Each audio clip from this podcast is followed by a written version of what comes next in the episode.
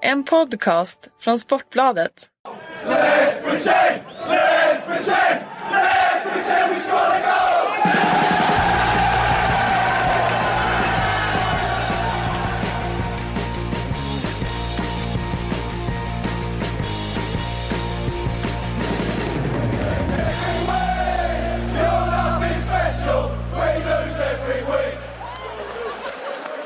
Hjärtligt välkomna hälsar vi då till Sportbladets Premier League-podd. Patrik Syk jag, jag sitter här med Kalle Karlsson. Ehm, hur, eh, hur är läget? Denna Jo det är bra. Eh, tidigt på morgonen har du ryckt upp mig för att få det här eh, avklarat. Så att eh, det, är- det är väl bara för Premier League-podden man eh, stiger upp vid den här tiden. Ja så är det. Ehm, vi tänkte summera den sista omgången. Eh, bolla upp lite grann inför fa Cup-finalen som är imorgon.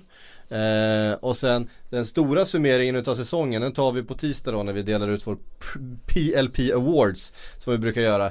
Men det finns ju några saker vi kan passa på att runda av här. Vi, men vi börjar väl med den sista omgången som innehöll väldigt lite dramatik får man säga. Toppen var avgjord, botten var avgjord. Det fanns ju bara en sak kvar att spela för. Det var den där fjärdeplatsen. Eh, som egentligen stod mellan eh, Liverpool och eh, Arsenal. Manchester City fanns ju också där i, i diskussionen men, men Watford bjöd inte direkt på något vidare Inte motstånd. direkt. eh, och det kan man inte påstå att något av de andra lagen gjorde heller. Eh, Man kan om... väl börja med att konstatera så här. Helvete vad tråkigt det är när det inte lever i sista omgången Ja, verkligen på vägen in sådär. Alltså, bara att det, som titeln, att den ska leva det kanske inte man kan kräva för inte så många år den gör det. Men i alla fall att det i botten är någon slags kamp där om survival sista dagen liksom. Det ger ju en sån jäkla ehm, krydda till den där sista speldagen. Men nu var det ju verkligen avslaget för även om det nu levde om fjärdeplatsen som är såklart eh, kittlande också. Eh, Vilka som tar sig till Champions så det var ju eh, så enkla matcher på schemat att det skulle ju det skulle ju väldigt, väldigt, väldigt mycket till om det skulle bli någon eh, slags spänning och det blev det ju Det, knappt. det blev ju rutinsegrar Ja. eh, i alla tre till slut. Precis som man hade kunnat förvänta sig. Eh, lite tråkigt kan man tycka men eh, så är det. Det var ju, fanns ju ändå en stund, ett moment av dramatik och det var ju när Middlesbrough faktiskt blev rånade på en straff. Mm. Eh, för den, den, det är ju straff. Det är Ja. inte mycket att snacka om. Han gör det ju väldigt bra där, Patrick Bamford. Ja, och eh, små marginaler. Eh, tillbaka till det, det, så är det ju. Men eh, sett över hela säsongen så tycker jag det är någonstans rättvist att Liverpool, Liverpool tar den här platsen. De eh, spelar otroligt bra fotboll i höstas. Eh, så väldigt, väldigt vassa ut där och då. Kom in i en eh, period under vintern där de blandade och gav och det var stora frågetecken. Framförallt efter den där förlusten mot Hall Eh, och då kändes det som att eh, Ja, det, det fanns frågetecken men eh, det har ju varit en sån där säsong där många topplag har eh, varit rätt slätstrukna. Eh, Samtidigt ska man komma ihåg att det är en säsong där faktiskt alla topplag egentligen har tagit fler poäng än vad de gjorde säsongen innan. Det Mm. är väl, eh, det är väl, det är väl inget utav topp 6-lagen som har tagit färre poäng den här säsongen. Det skulle väl vara Manchester United i sådana fall. Ja men det tror jag inte de har gjort. De har nog tagit mer poäng än förra året. Jag tror det. Det tror jag. Det Ja, måste jag kolla upp bara för det. Heller. Ehm, Det är jag rätt säker på att de har gjort. Eh, För det, det är det som är intressant. Jag menar, Arsenal kan vi kritisera. De har liksom eh, för första gången på 20 år inte tagit sig till en, till en eh, topp 4.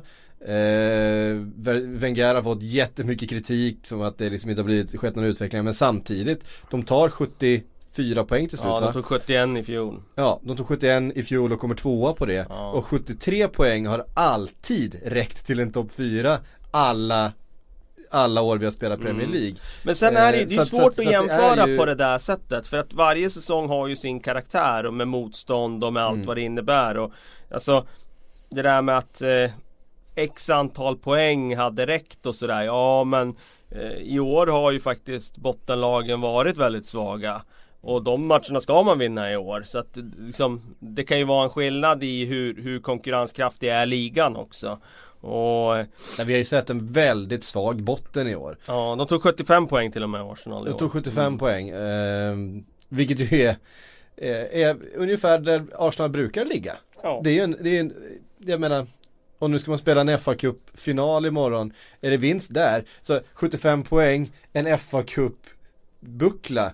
Det är ju en ganska bra säsong sett till hur eh, Arsenal Poängfacit, titlar och så vidare. Ja, eh, samtidigt är det inte så man räknar utan eh, man räknar ju med det är i, i, förhållande, i förhållande till, resten andra. liksom. Ja, Det, det blir ju så. Och jag hävdar nog att det är Det är så man ska räkna. Mm. Alltså i förhållande till andra. För som sagt eh, Det kan ju vara år från år kan det vara olika konkurrenskraft eh, bland motstånd och så vidare. Och jag tycker om du tittar på lag 9 i ligan. Det är alltså Bournemouth och neråt i den Mm. Ja. här Premier League-säsongen. Så är det inte bra. Nej det är inte bra. Eh, Det är ingen det är ingen slagkraftig bredd eh, Nej. i Premier League. Och Och då, menar, då ska man ta mycket poäng om man är topp 6-lag, har den budgeten som de har. Och jag menar bara det att eh, Southampton som kommer åtta alltså har 46 poäng. 46 poäng, 46 det innebär poäng, alltså att det de är ju inte övre halvan normalt sett. Man ska alltså veta att det är alltså 6 poäng ifrån Watford som ligger platsen ovanför nedflyttningsstrecket. Alltså Ja. 6 poäng, det är alltså två matcher egentligen som de vinner eller som de förlorar istället. Då är de på platsen ovanför nedflyttningsstrecket. Nu har de i och för sig betydligt bättre målskillnad än Watford.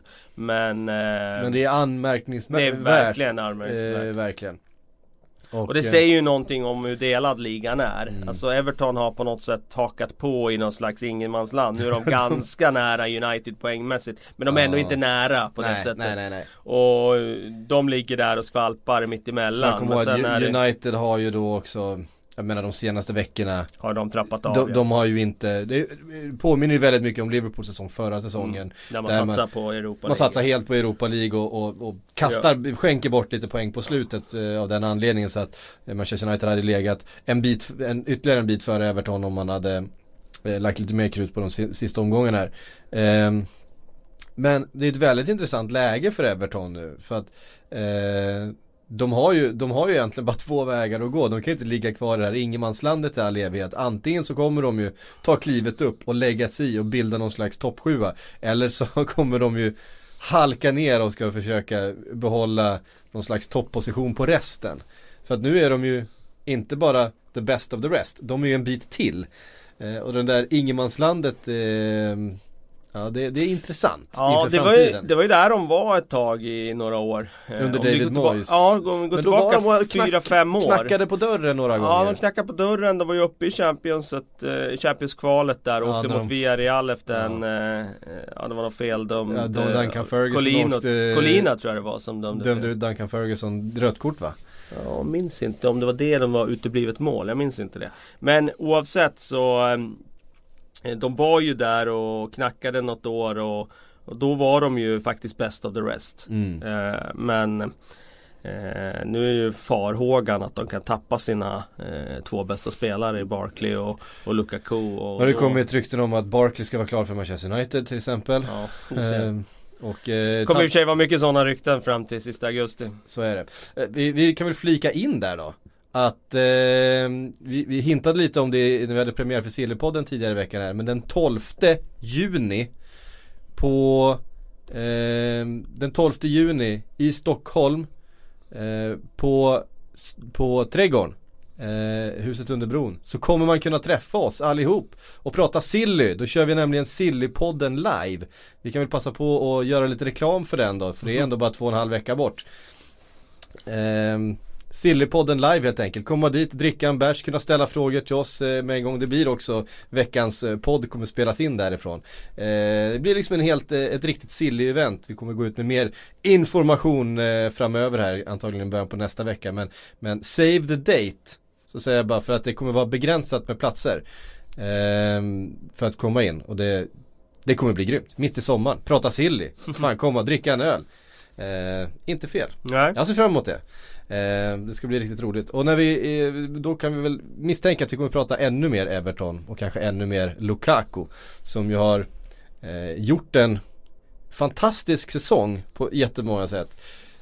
Men så är det den här statistiken om man tog bort alla hans mål. Så de ändå slutat sexa. Så de ändå slutat sexa. Ja. Men, eller sjua. Ehm, men det säger ju också, och det är ju också för att de har då, eh, vad blir det? 15 poäng ner till åttonde platsen. Ja. Så att eh, det, det är rätt långt ner eh, för att tappa en placering. Men, men det är ju också väldigt mycket 3-0 mål, väldigt mycket av den eh, ja. varan på Lukaku. Eh, det är ju den lilla kritiken då som man, som han får för den här säsongen. Att det kanske inte är de här vägvisande målen och tunga målen. Samtidigt ska man göra dem, man ska göra den i en, i en eh, lite mindre klubb. Och eh, jag tycker ändå att han har gjort en eh, ruskigt stark säsong och han har dessutom utvecklat sitt sån allround-spel. Så att eh, han är redo för den där flytten till en stor klubb nu. Mm. Eh, han, har ju, han har ju någonting som väldigt få andra har med den styrkan och explosiviteten. Jag har säkert eh, pratat om det tidigare men det finns ett klipp på YouTube när eh, Jamie Carragher är och besöker eh, Evertons träningsanläggning och han får känna på hur det är att försvara mot, eh, mot en felvänd eh, Romelu Lukaku. Och hur han håller undan ändå, visst nu är det några år sedan Carragher la av men det är ändå en rätt rutinerad mittback. Och han är helt chanslös. Mm. Han, blir, han bara håller undan och vänder upp, in två tillslag och eh, smäller med full vrist i bortre stolpen. Och han gör det flera gånger och eh, Carragher bara skakar på huvudet och säger att ah, det där är Det där är svårt att hantera. Det, det, där är svårt att hantera, det är svårt att försvara mot ja. en, en, kille med den, eh, med den kvaliteten. Och just det målet har vi ju sett, sett dem göra några gånger. Jag vet inte vem, vem det var han höll undan här för ett par omgångar sedan. Det såg nästan identiskt ut från Som från den videon bara felvänd, ett tillslag ner, fälla ut bommen, trycka sig förbi och sen full vrist i bortre stolpen. Riktigt, riktigt fin striker. Eh, Liverpool som sagt eh, klarade fjärdeplatsen efter mycket om och ja. men. Och nu ligger Hur man ju, firar du? Eh, det, var, det var väldigt märkligt för jag, jag, ja, jag höll ju på hemma eh, och såg den här och för första gången, jag brukar vara väldigt sådär Jag är ju en sån, en sån fotbollstittare att jag, jag är ofta såhär, om spelet är bra Eh, så är jag nöjd. Jag är, inte så, jag är inte så kortsiktig i mitt supporterskap som, som många, många andra verkar vara om man tittar på sociala medier och sådär. Jag har varit med så länge. Jag vet att säsonger de, de, de passerar, de kommer och går och resultat kommer och går. Men har man ett lag som spelar bra fotboll då brukar det på sikt eh, liksom bli, mm. bli någonting bra utav ja, det. Okay. Mm. Men eh, i söndags... Ja, då, då, tror jag att du är i en försvinnande skara. Jag tror det, det kanske är lite gammeldags av mig eller något. Ja. Eller för att man bara har varit med så länge så att det är liksom, man har sett så mycket, mycket komma och gå. Ja. Eh, men i söndags när det stod 3-0 då stängde jag av tvn och gick och matade mina barn. Det här var, då var det över. Jag var helt ointresserad över hur, hur resten av matchen spelades ut. Om det var något, du vet, spelmässigt eller formmässigt. Det var liksom det var de där tre poängen bara. Så ah, tror jag, det var en lättnad, ah, det var bara liksom något som skulle, mm. jobb done och så, eh, så var Just det så. Eh, det var, jag, jag, märkte det själv att det var så jag reagerade liksom och jag brukar inte, jag brukar inte reagera så. Eh, men eh, det här är ju intressant i, i det projektet som ju Klopp har givits utav, utav Liverpools ägare. Eh, därför att det är ju den här sommaren som man skulle göra sin stora investering. Man har ju knappt investerat de senaste tre fönstren. Eh, man har ju faktiskt gjort eh, plussiffror eh, rent utav så man har ju inte så man kommer ihåg att man också investerat i en stor läktare och sådana här saker yeah. under de här tiden så att eh, Rent pengamässigt så har det kanske varit lite, lite tunnare i kassan då va men, Ja men du snackar ju transfernetto och det har ju varit positivt Transfernettot har varit, har varit eh, positivt och man har ju varit helt inaktiv i, mm. i januarifönstren eh, Så att det är nu den stora investeringen ska göras så det är nu den här sommaren som Liverpool ska ta klivet eh, Klubben var ju här för eh, tre år sedan mm. efter 13-14 mm. Sommaren.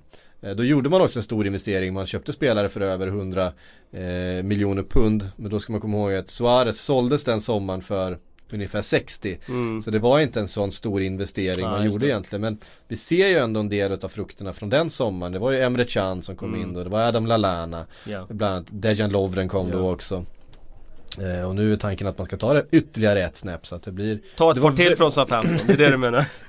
Ja det kommer väl bli så, det blir väl Van Dijk till slut ja. eftersom jag tror inte Chelsea är beredd att betala den, eh, den prislappen. He helt sjukt alltså att man plockar liksom dammsuger en klubb på spelare. Ja, de hemskt. får sköta liksom den här dyra scoutingen och åka och pinpointa spelare. Sen är en bra säsong eller två där. Men de är ju bra på det! De är ju jättebra jo, på det! Sannerligen! Sen bara, ja ja, nej, men vi köper ja, jag dem förstår om att Southampton-supporterna buar från, eh, från minut ett när Liverpool kommer på besök. Ja. De, det, det finns så mycket, så mycket Ja den är ju hård när man ont, plockar spelare efter spelare sådär. En, två liksom, det är en sak men eh, nu har det ju, nu har det ju blivit varenda ja, det är näst, därifrån. Det är alltså. nästan löj, eh, löjligt faktiskt. Ja. Och nu, eh, ja, nu pratas det om Van Dijk och det, ja, det är klart det, det gör. Det, är ju rätt nära. Det är klart det gör. Ehm, och, ja, jag, jag har en känsla av att det kommer bli så. Ja. Att eh, det var den här Champions League eh, platsen som Fraser Forster då? Nej det, det, det, det, tror jag inte. Jag tror det har varit ganska lite, ganska lite Nej det har inte varit några rykten om det men eh, jag bollar upp ryktet nu. Jag menar, alltså, han jag... står ändå i Southampton. Ja liksom. exakt. Han, han, har en hög högsta nivå. jag gillar ju i och för sig Fraser Forster. Jag, jag, Liverpool hade kunnat behöva en sån här två meters kille med, Rejäl, med, med, lite respektingivande. Ja, med det nyllet också mm. så att han kunde skrämma skiten ur en anfallare. Det gör ju inte Simon Mignolet. Nej det, han, det är ingen som blir rädd för honom. Skolpojke. Ja det blir ingen som, eller Loris Karius för den delen. Han försöker charma alla med sitt bländande leende. Precis.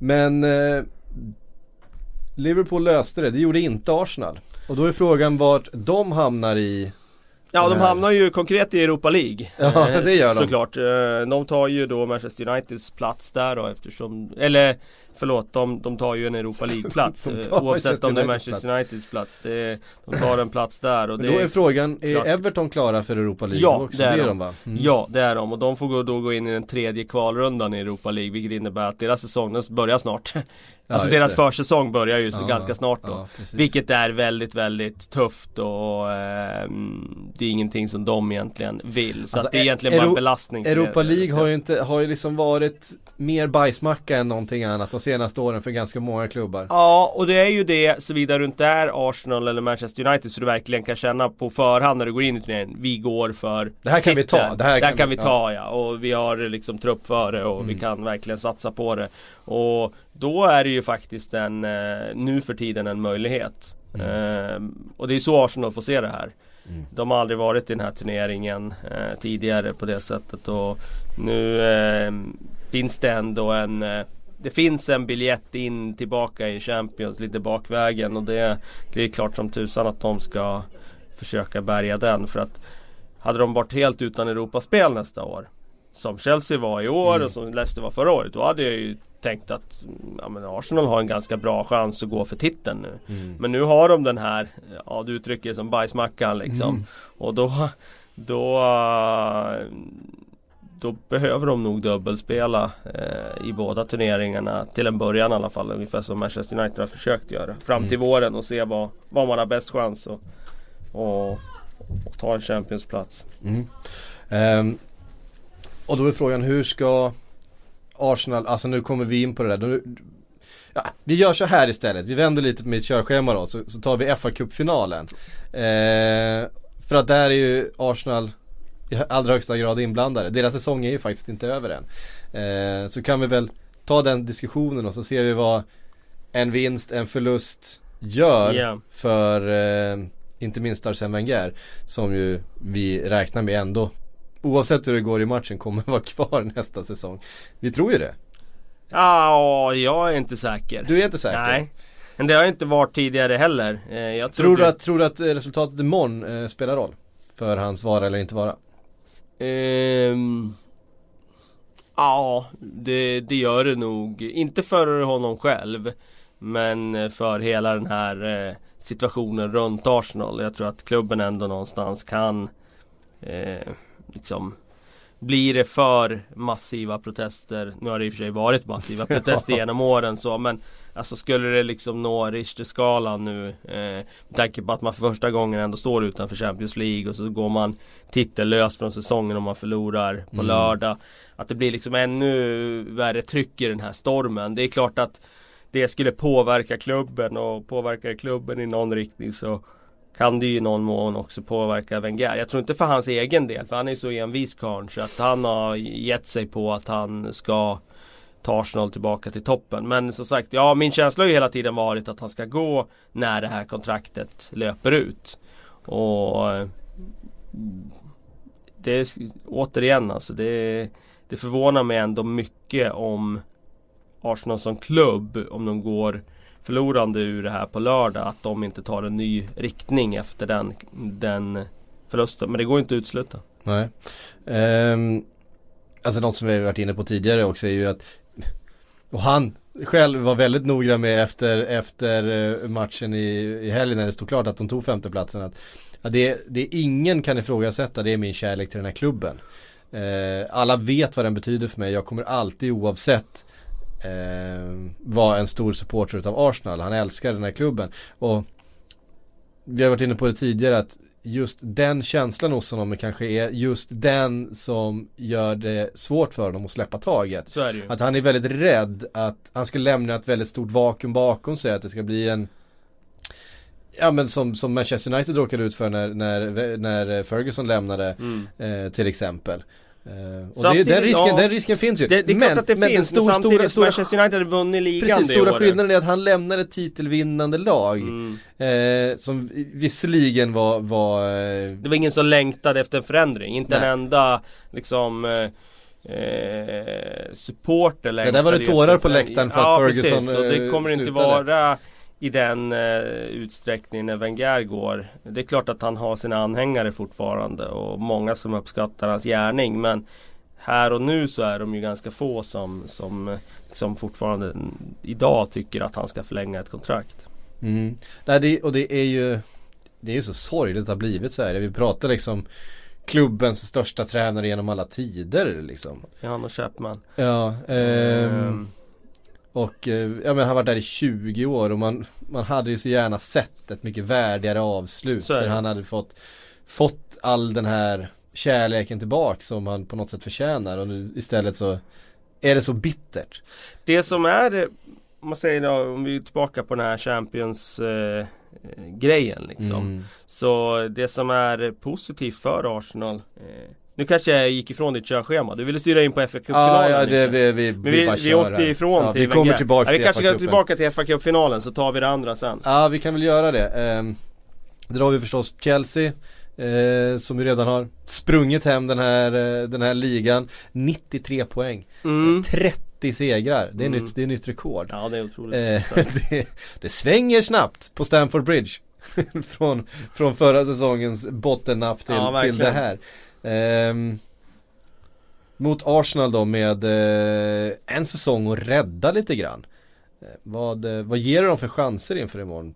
Tycker man har det ganska, ganska, ganska, chanser. ganska bra form på, på Arsenal just nu Ja, jag hade gett dem stora chanser om det inte hade varit för den här eh, utvisningen på Koscielny Ja vad fan pysslade han med Ja det egentligen? var ju väldigt olyckligt att det eh, Alltså, jag vet inte vad olyckligt är rätt ord Ja, Alltså det var, det var onödigt, var det ju. onödigt ja, det var och, det. eh, och jävligt farligt Ja, alltså, och han, utan tanke på vad som komma skall alltså. för alltså han klipper ju faktiskt stödjebenet på honom Och han är ju alltså han är ju decimeter upp alltså, Det är den absolut farligaste tacklingen du kan, du kan sätta på någon eh, Jag förstår att man är lite övertänd i en sån här match liksom och det betyder mycket men Ja, eh, det hade, det, hade man kunnat dela ut två röda kort så, så, så hade jag kunnat göra det där för det där tycker jag är, är, det är bland det värsta man kan göra. Ja det blir ju i alla fall ett eh, rejält avbräck för Arsenal nu med tanke på att de, de har ju sina problem ändå i mittförsvaret där Gabriel är skadad. Mertesacker är visserligen tillbaka men inte up and running. Ehm, så att ehm, det skapar lite problem och jag tror nog att Wenger i grundläget hade velat spela med trebackslinje. Eh, en sån här match när de dessutom möter Chelsea eh, och spegla det. Men frågan är om man får ihop det. Då måste han ju kasta in Mertesacker direkt i elvan här i en Mm. trea. Och det är frågan är om man gör det, om man vågar det. Har vi koll på, eh, Gabriel bars ju ut på bår. Ja, han Eh, är ju skadad. Ja, Ja. eh, så då har vi kvar då Mustafi, Holding. Mustafi och, och Holding som har Som ändå gjort det bra i trebackslinjen i alla fall när han har fått, eh, fått chansen men eh, Ja Så att med det i åtanke så är det klart att Chelsea går in i den här matchen som klar favorit. Sen är det, det är en enskild match, då, mm. då vet man aldrig. Men det är klart att Chelsea med det flytet de är inne i, med den framgångsvågen de har haft den här säsongen. Det är som att äh, saker och ting bara faller på plats, studsar deras väg. Spelarna spelar med stort självförtroende. Eh, de har klassspelare på varenda position i elvan i princip. De eh, per är perfekt balanserade. Man är ju väldigt svårt att se hur lag i England ska besegra dem. Mm. Det är ju väldigt få som har gjort det. Ja, uppenbarligen. Det, verkligen. Uh, det, är, det är ett par matcher man har sett. Det var, Spurs hittade ju en metod ja, vid ett precis, tillfälle när de, när de faktiskt väldigt, det blev väldigt tydligt eh, exakt hur matchplanen var med Eriksens eh, diagonal eh, lyra där över på Deli Alli på bortre stolpen. Ja. Man gjorde två ex, nästan identiska mål ja, på det precis. sättet. Men det är också så här eh, Nu har jag inte det i huvudet så matcherna om att torska men har de tappat ledning i år Chelsea? Var det Crystal Palace hemma de gjorde det eller?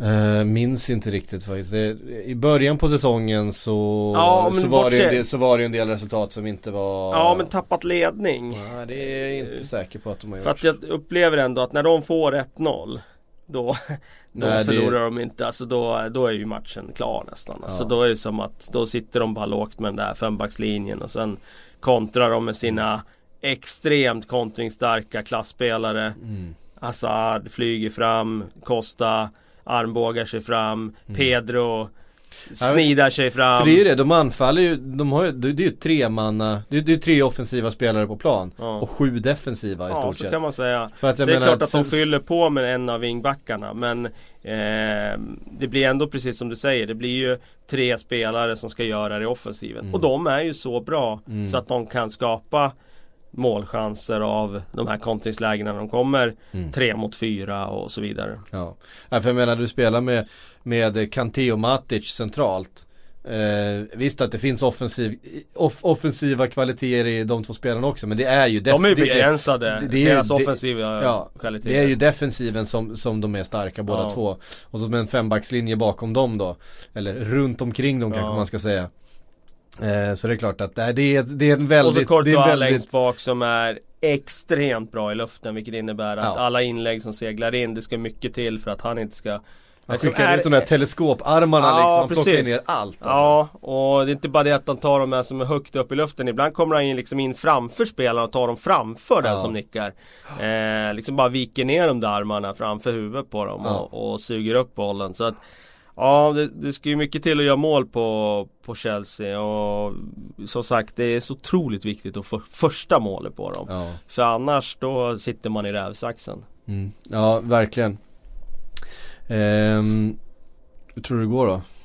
Nej, det är ja, men, ja. omöjligt att säga men med det sagt så tror jag att eh, Chelsea tar en 2-1 seger. Procentchans 70-30 till Chelsea.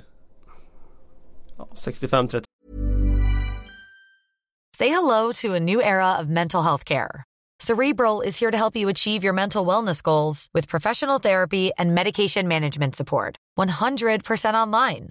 You'll experience the all new Cerebral Way, an innovative approach to mental wellness designed around you.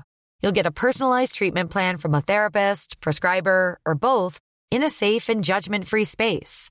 Your Cerebral therapist or prescriber will outline a customized plan with clear milestones along the way so you can get to feeling your best. With Cerebral, you're not alone in your mental health journey. We're here to empower you to live a fulfilling life. So take that first step towards a brighter future and sign up today at cerebral.com slash podcast and use code ACasts to get 15% off your first month. Offer only valid on monthly plans. Other exclusions may apply. Offer ends July 31st, 2024. See site for details. 65 då 65-65 Något sånt där. Hör du, ett lag som vi har pratat ganska lite om och som befinner sig eh, också lite i mellan, eh, mellanmjölksläge här. Det är ju faktiskt Manchester City. Eh, de tar 78 poäng vilket är bra. de tar en tredje plats vilket är godkänt. Frågan är det godkänt för att vara Manchester City? Inte för att vara Manchester City, inte med den inledningen av säsongen. Nej. Det är det ju inte. Nej, men, men man är ändå där. Och eh, va, va, hur, hur ska vi ta Man vidare är där, här? fem, 15 poäng efter Chelsea, man är där. Ja, man är 15 poäng efter Chelsea. Eh, nu tar ju Chelsea den näst högsta poängen någonsin Ja. i, i Premier League.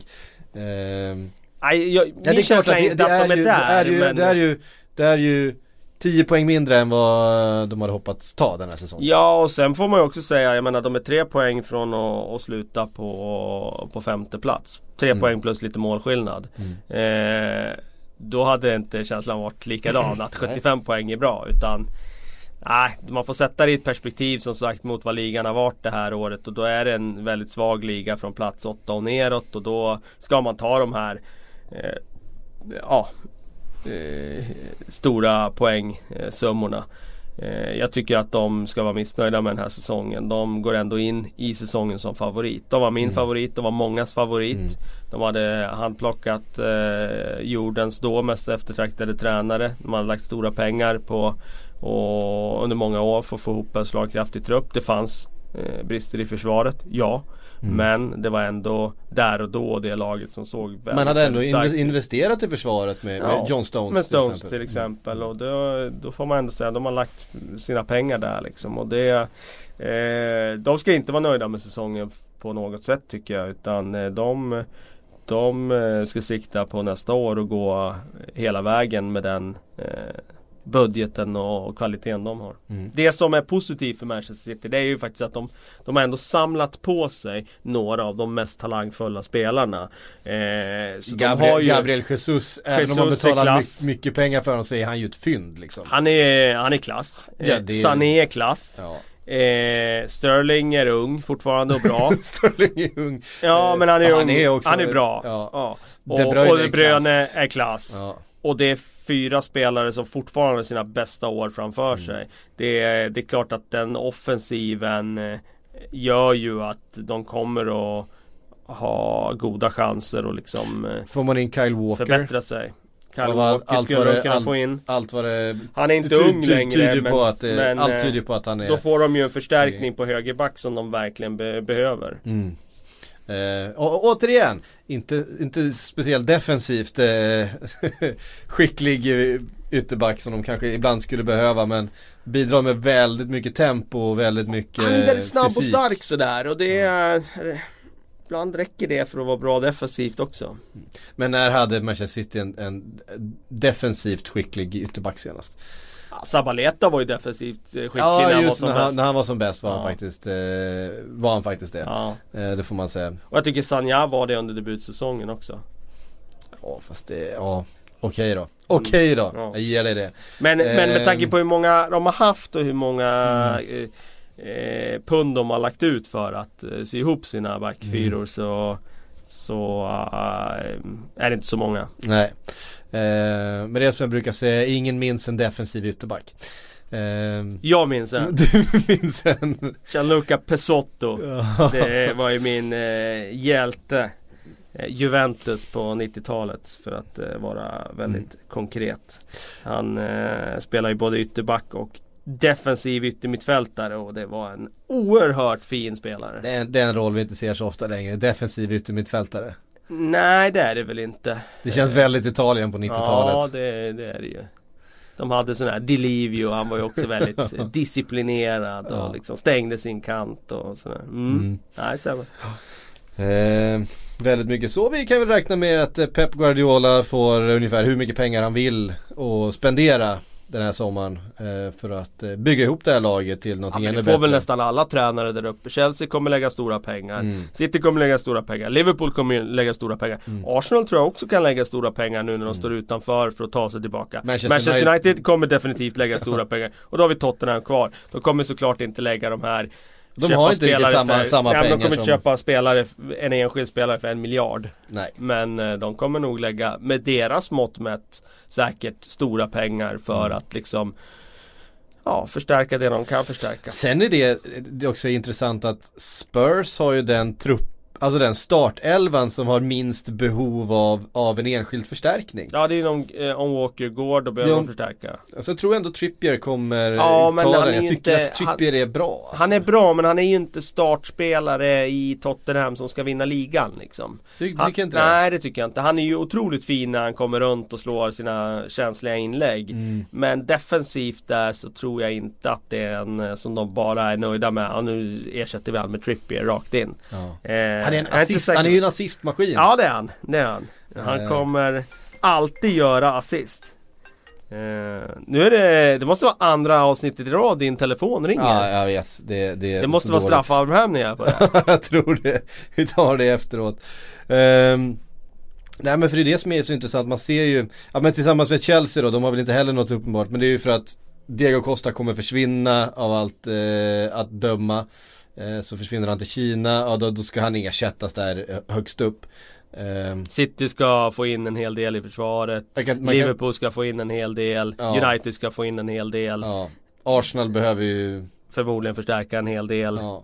Nej de andra behöver ju verkligen det och Tottenham har Tot- inte Tottenham någon behöver en bättre in- bänk. en ingen, Det behövs ingen hel renovering på något sätt utan det är bara lite små förfiningar. Jag skulle kunna tänka mig en uppgradering faktiskt på, på eh, vänster, vänster ytterposition. Man spelar Dele Alli centralt istället för en Jungmin Son som jag har spelat mycket där. Um, det är det jag skulle kunna tänka mig. Uh, om han inte väljer, för jag tror inte att han kommer spela en trebackslinje uh, nästa säsong i så hög utsträckning.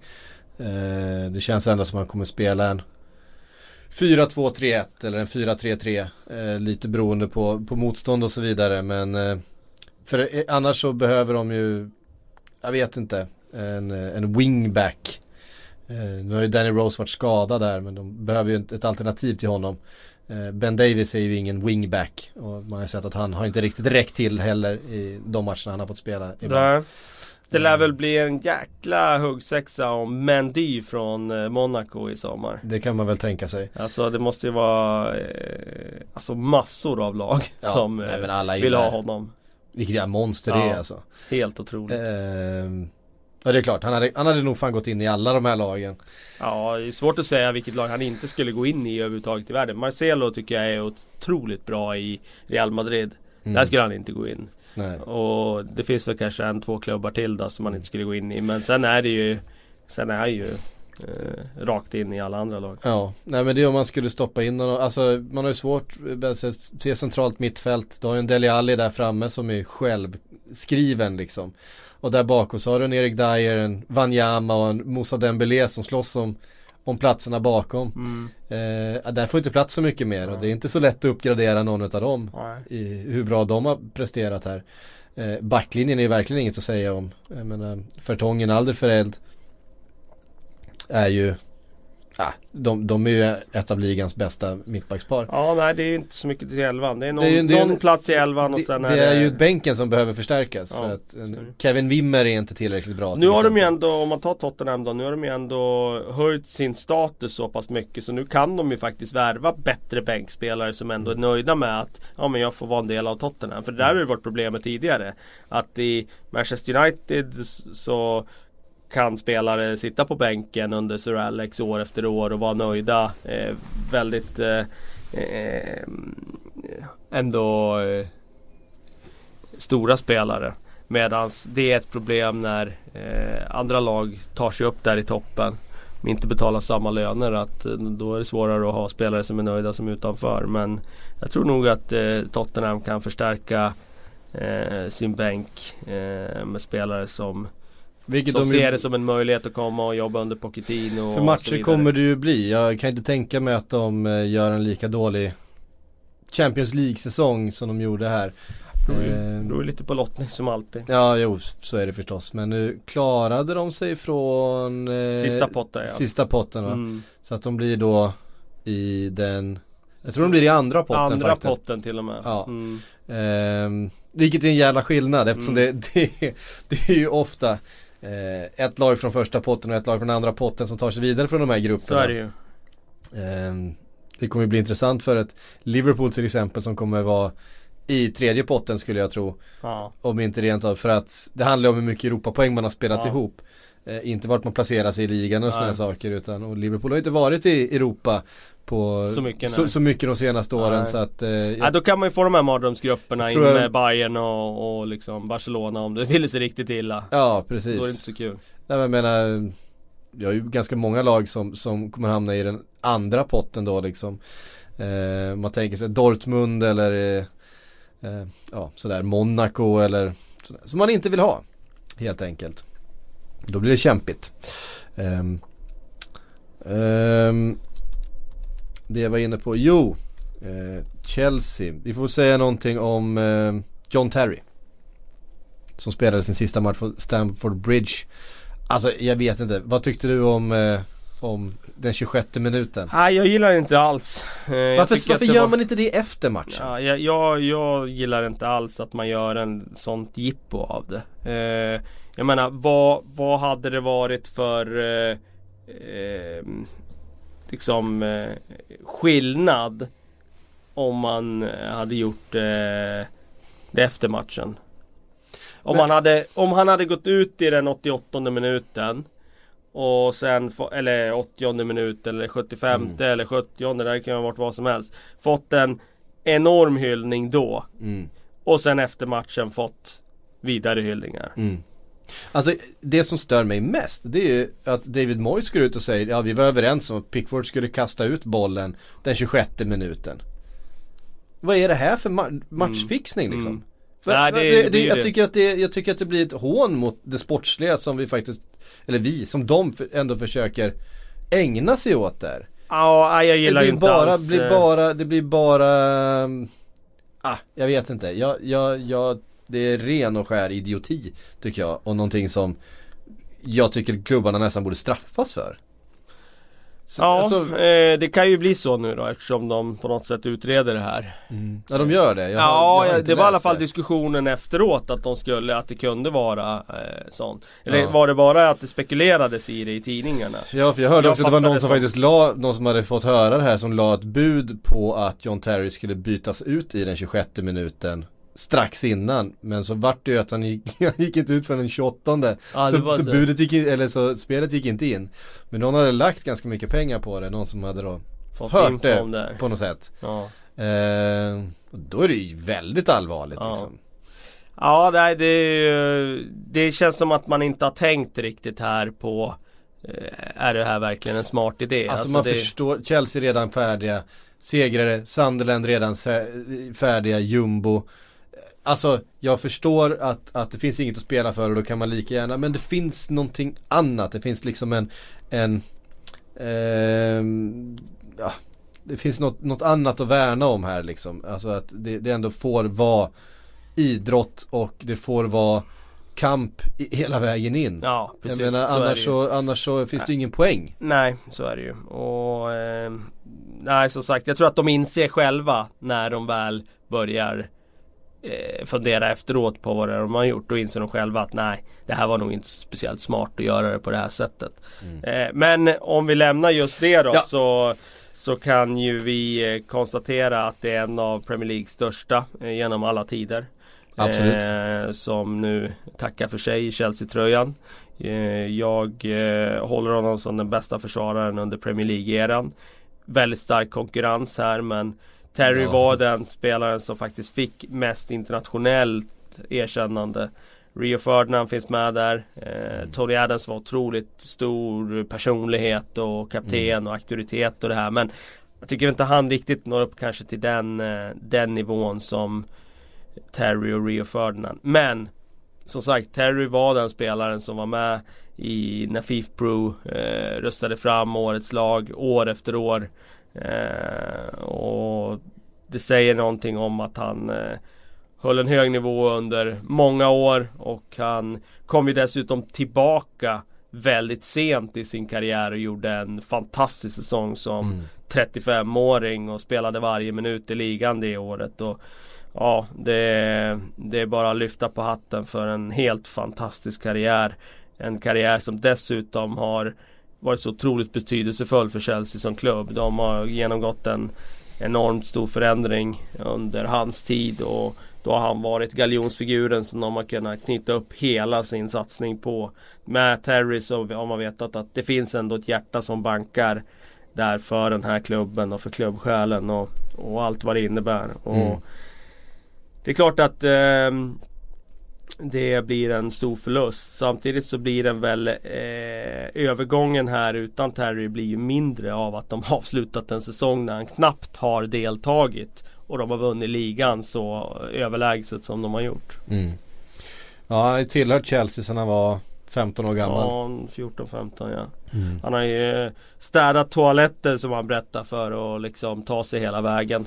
Eh, och det, ja, det finns ju någon skärmigt i, det. På tal om det så berättade ju han någon gång att inkilningen i Chelsea bland annat var att han fick sitta på toalettsitsen så att eh, den skulle vara varm när de andra eh, kom och, när de äldre spelarna kom och satte Alltså jag kommer där. ihåg att det här var ju då eh, slutet på 90-talet. Vad hade vi för? Då hade vi typ en Dennis Wise och Precis. den typen utav spelare i Chelsea. Det var, Exakt. eh, man kan ju tänka sig att det var just Dennis Wise som, Ja det, ja, det var det, jo men det var det ju. Det, så- det, det kan vi slå fast. som, som eh, ju själv fostrades i Wimbledon då eh, liksom eh, kilades in med The Gang, Crazy ja. Gang så att jag tror ändå han gick milt åt eh, John Terry i förhållande till vad han fick utstå den gången. Eh, men det finns ett arv att, att föra vidare där. Eh, Så vi får se vad framtiden är för John Terry men jag är ganska säker på att vi kommer få se honom tillbaka i Chelsea i någon roll. Han har ju själv sagt att han vill eh, bli manager och tränare. Ja, han har Ju, precis. han har ju Och- då också eh, hyllat Conte under den här säsongen för han har han sa själv i en intervju efteråt att det har varit fantastiskt att stå bredvid och se hur Antonio Conte har liksom Gjort hanterat laget, förändrat och byggt upp den här nya eh, eh, taktiken och strategin och fått med alla. Han är ju ganska hård, Conte. Mm. Han lägger ju inte fingrarna emellan med spelarna. Det, det vet vi från Italien också. Han, eh, han, han kan ju dela ut en hårtork eller två utav, eh, och det har ju pratats om kastade flaskor och Mm. eh, hot om våld och sådana här saker på spelare. Men han lyckas ändå göra det utan att tappa någon. Utan att tappa omklädningsrummet. Utan att eh, folk blir för eh, upprörda eller känner sig för kränkta. Eh, och John Det Terry går ju när resultaten är med. det går ju när resultaten eh, kommer men, men John Terry har ju också pratat om det här att han har varit väldigt imponerad utav Antonio Ja. Conte och att han känner att han själv har lärt sig väldigt mycket Ja, det under det här året eh, inför en egen eh, karriär som, som tränare. Eh, Ja, Vi får och vi får se. se hur den går. Jag är inte säker på att jag får se han tillbaka eller att vi får se han tillbaka som manager för Chelsea. Men jag tror definitivt i någon annan roll. Assisterande manager eller försvarstränare eller någonting sånt inom en ganska snar framtid faktiskt. först ska han väl iväg och göra en säsong i Bournemouth eller vad är det det ryktas om? Det tror Ja. jag inte är en bra värvning. Jag tror att eh, han är så långsam nu att det kan funka precis om han får förutsättningarna runt omkring sig att man ska stå väldigt lågt och man ska Bara nicka vet, undan, ja. ja. nicka undan, vara placeringssäker, täcka skott. Men eh, stå uppe vid mittlinjen då har han ju ingenting kvar att, att, att, att erbjuda. Eh, vilket ju de flesta lagen vill kunna göra. Så vi får väl se, men det, det ryktas ju ändå om att det finns klubbar som vill signa honom eh, gratis. Vem får se, han kanske dyker upp i Juventus och gör en, en, en, eh, en eh, Pirlo eller vem man nu ska ta som har fått en revival där nere. Um, um, mm, mm, ska vi se vart vi var någonstans. Nu tappade jag bort mitt körschema. Jo, nej men det, vi ska svara på lite frågor. Eh, vi hann ju få in några sådana också en sån här eh, fredag Det var morgon. betydligt mycket mindre frågor nu när vi gick ut här i, i ottan med den här. Det är lite podden. skönt. Eh, Johnny Swish undrar Först konstaterar han, jobbar ni röd dag? Nej det gör vi inte, det var röd dag igår. Eh, strångt tycker jag i alla fall. Vad ser ni mest fram emot nästa säsong? Ja det är ju svårt att svara på här och nu så. Eh, Men eh, det blir väl ändå hur den här eh, toppstriden utvecklas under nästa säsong. Det känns ändå som Nu är det en ganska utkristalliserad toppsexa. Mm. Och det är klart att det blir väldigt intressant att, att följa den. Hur, hur ser det ut nästa säsong. Men det, det blir ändå, när vi är framme i början av augusti då, då är det lättare att svara på den frågan. För då har det hänt mycket under sommaren här som har påverkat vad man är mest eh, förväntansfull inför. Mm. Anders Olofsson eh, skriver om ni fick se en regeländring till nästa år, vad skulle den i så fall vara? En regelförändring? Mm. Jag har en. Och det är den som har varit uppe och som FA faktiskt har, eh, har eh, Ja, att man godkänt får, redan. ja, okej, att, Att, de ska får kunna dela ut avstängningar i efterhand för Ja. filmningar. Ja just det. Eh, vilket jag tycker är helt rätt. Om man nu om man nu bestämmer sig för att man ska stävja de här filmningarna, vilket jag tycker är, är helt rätt. Nu tycker inte jag att kanske att det är det största problemet fotbollen har, just filmningarna. För jag tycker att, men det är ändå ett problem. Ja. Och det avgör ib- ibland matcher. Fine att det avgör matcher och att det, liksom, det måste finnas bedömning kvar hos domaren. Och jag tycker att videodomare under matchen, som, det, det är jag inte helt eh, på tåget med. Men däremot att straffa den enskilda spelaren I efterhand eh, ja. i efterhand. Det Och gör inte att det med kostar, böter då, Nej, inte utan med avstängningar. avstängningar. Ehm, då kostar det helt plötsligt lite mer att ta den chansningen. För det kostar så otroligt lite för spelarna idag. Ja, man kan få ett gult kort eller, vilket händer ganska sällan. Det är svårt för domarna att kunna konstatera att det där är faktiskt en ren filmning. Det är väldigt svårt. Mm. Det är ganska lätt att se på en repris eh, däremot. Och ganska lätt att i efterhand kunna konstatera att nej men det där är en, det var ingen kontakt där ändå som stöpte. Ehm, så det är en, det är en eh, regelförändring jag ser fram emot nästa säsong för den är ju redan klubbad. Ehm, någon annan? Ja det finns säkert någon mer i den där De gjorde ju en förändring på, på frilägesutvisning till exempel. Ja som- precis med trippelbestraffning där Ja. och det, det tycker jag var en välkommen förändring. Mm. Nej, det, sen är det väl det där med den där när domaren har sett en situation så går det inte att liksom omvärdera den. Nej. Och den tycker jag eh, slår fel många gånger. Mm. Samtidigt så förstår jag också att Förändrar man den, då öppnar man ett spjärn till Ja. väldigt mycket. Blir det då så i så fall att varenda situation ska omvärderas i varenda Mm. match? Och då blir det också fel. Nej men alltså det kan liksom inte, du kan inte skicka in en lista på tio tacklingar från en match och säga att alla de här ska fattas nya beslut kring och delas ut. Precis, och där kan vi inte Eh. hamna heller. Ehm, Mattias Nilsson undrar, finns det någon chans att Andreas Christensen kan vara ordinarie i Chelsea nästa säsong? Eh, bra på huvudet, bra passningsfot, men det är så långt. Ja. Alltså det är så långt steg att vara ordinarie i Chelsea. Alltså, Jag tror inte det. Jag gillar ju han när han kom fram och när han, man spelade ju lite grann i, i Chelsea där. Någon match vill jag minnas han gjorde när han kom. Och sen minns jag att han gick bra i Mönchengladbach också där direkt när han, när han gick dit. Så att eh, ja, jag har sett han i eh, några fighter där, där jag tyckte han såg intressant ut. Men eh, nej, jag tror inte det alltså. Nej. Fortfarande ung dock, 96 så han är ju liksom Ja han är fortfarande ja, ja, tiden för sig liksom. Verkligen. Men det är svårt att ta plats i Chelsea. Ja. Det är det. däremot så är det ju klart att han skulle kunna komma tillbaka och sätta sig på en bänk där i Chelsea och Mm. vara eh, backup. Ehm, Henrik Ovinen, Auvinen eh, skriver Big Sam går i tillfällig frågetecken pension. Hur gör Crystal Palace nu? Att Big Sam har sagt att han går i pension, det får vi väl se tills nästa lag behöver, behöver räddning där nere så dyker Så han ju. upp. Och jag menar det Eh, kan ju också vara så här att han eh, Han är helt ärlig med sina intentioner här och nu. Men så Mm. får han vara ledig ett halvår. Eh, eller drygt ett halvår vilket det blir. Ja. Och så där är vi framme i januari. Eh, och eh, han känner då att han har ny energi och han har varit ledig och han klättrar på väggarna hemma. Och Mm. Han kan göra fyra månader eh, med ett lag under våren. Då. Det är inte omöjligt Nej. att det blir så. Nej men det är januari, Stoke ligger på nedflyttningsplats. typ så. Eh, Mark Hughes måste bytas ut. ja. Vi måste rädda den här säsongen. In med Big Då, Sam. då ringer de ju Big Sam. Så Ja. är det ju. Fett, fett kontrakt. Du har, en, du har en bonus på 20 miljoner om du klarar det. Ja. Då kommer han ju. Eh, jag visar ju det i alla fall. Och vi vill ju det för vi vill ju ha Big Sam i, i engelsk fotboll. Det vill jag i alla fall. Jag tycker han är, det är en profil.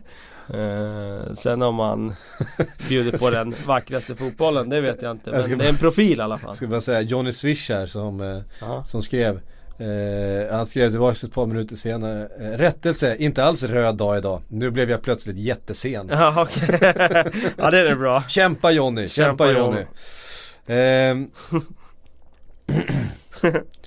Ehm, Riku skriver, kommer någon av spelarna i Manchester Uniteds sista matchtrupp mot Crystal Palace ha en framtid i Manchester United? Ja, alltså det är väl Finns ju gott om ungdomlig entusiasm ja, i alla fall. Det, det finns det garanterat. Jag ska gå in och kolla så jag inte missar någon av de här tjommarna i, i Ja, alltså, bortsett från de ordinarie spelarna som faktiskt spelade då, jag tror att Pogba var ju på plan. Det kan Ja, vi konstatera att han har en framtid inte- i Manchester United. det, Eh, men det får vi eh, nog göra. men eh, de övriga, jag kan inte ens namnet på dem. Eh, Nej men det är ju. Suan Sebe och Fosu Mensa och Ja. McTominay och, Fosumensa har det pratats Mitchell. om länge nu. och Harrop Harrop ja, som fick göra mål. dessutom ja. Eh, Det är väl Angel Gomes där som det snackas väldigt mycket om. Eh, inte han bara, han är väl bara 17 år eller något sånt va? Han är inte det. Han är 0-0 och har inte fyllt år än så han är bara 16 än så länge. Eh, det är klart att det ehm, eh, kan bli någonting. mhm. Liten teknisk eh, mittfältare som eh, ska vara något utöver det vanliga. Han eh, har tillhört Manchester United alltså sex år. Gått hela vägen upp. Eh, född 00. Nu känner man sig gammal psyk. Ja, herregud. Ja just det, var han den första Spelaren född 00. Första spelaren född på 2000-talet att spela Premier League-match? Ja det måste nästan vara. va? Ja, jag tror att, jag tror jag läste det någonstans. Ja det borde han ha blivit nu. Eh. För jag kan inte komma på någon annan. Nej. Jag vet att eh, Jonathan Leko i West Bromwich var den första spelaren född 99. Ja, som spelade i Premier League. Men det här måste vara den första 0-0 för precis som du säger, jag inte, jag kan, kommer inte på någon annan. nej. Det är i och för sig en milstolpe att vara det. Ja, verkligen. För det dröjer länge innan vi får se den första spe, spelaren födda på 3000-talet som, eh, 0-0 var då jag slutade spela fotboll. ja du ser. Herregud. Ja, hörni, eh, vi måste faktiskt knyta ihop säcken här. Jag ska iväg och prata MMA nu hela helgen. Eh, så kan det vara. Eh, Olika falla ödets lott. ja, precis. Eh, hörni, tack för att ni har lyssnat. Eh, PLP Awards på tisdag. På tisdag, då Eh, smäller det. Sillypodden på måndag. Sillypodden live den 12 juni. Det vill ni inte missa, jag lovar det. Det vill ni inte missa. Vi kommer ju vara där allihop. Eh, det blir sjukt kul. Eh, och som sagt, boka upp det. Eh, vi kommer komma med mer information om man kan eh, förboka och lite sådana saker. För vi, vi misstänker att biljetterna kommer ta slut. Eh, kommer inte kosta många kronor. Eh, vi är där för att ha kul. Eh, vi vill gärna, gärna ha kul med er. Hörde Hörni, ha en eh, trevlig helg nu så eh, hörs vi nästa vecka.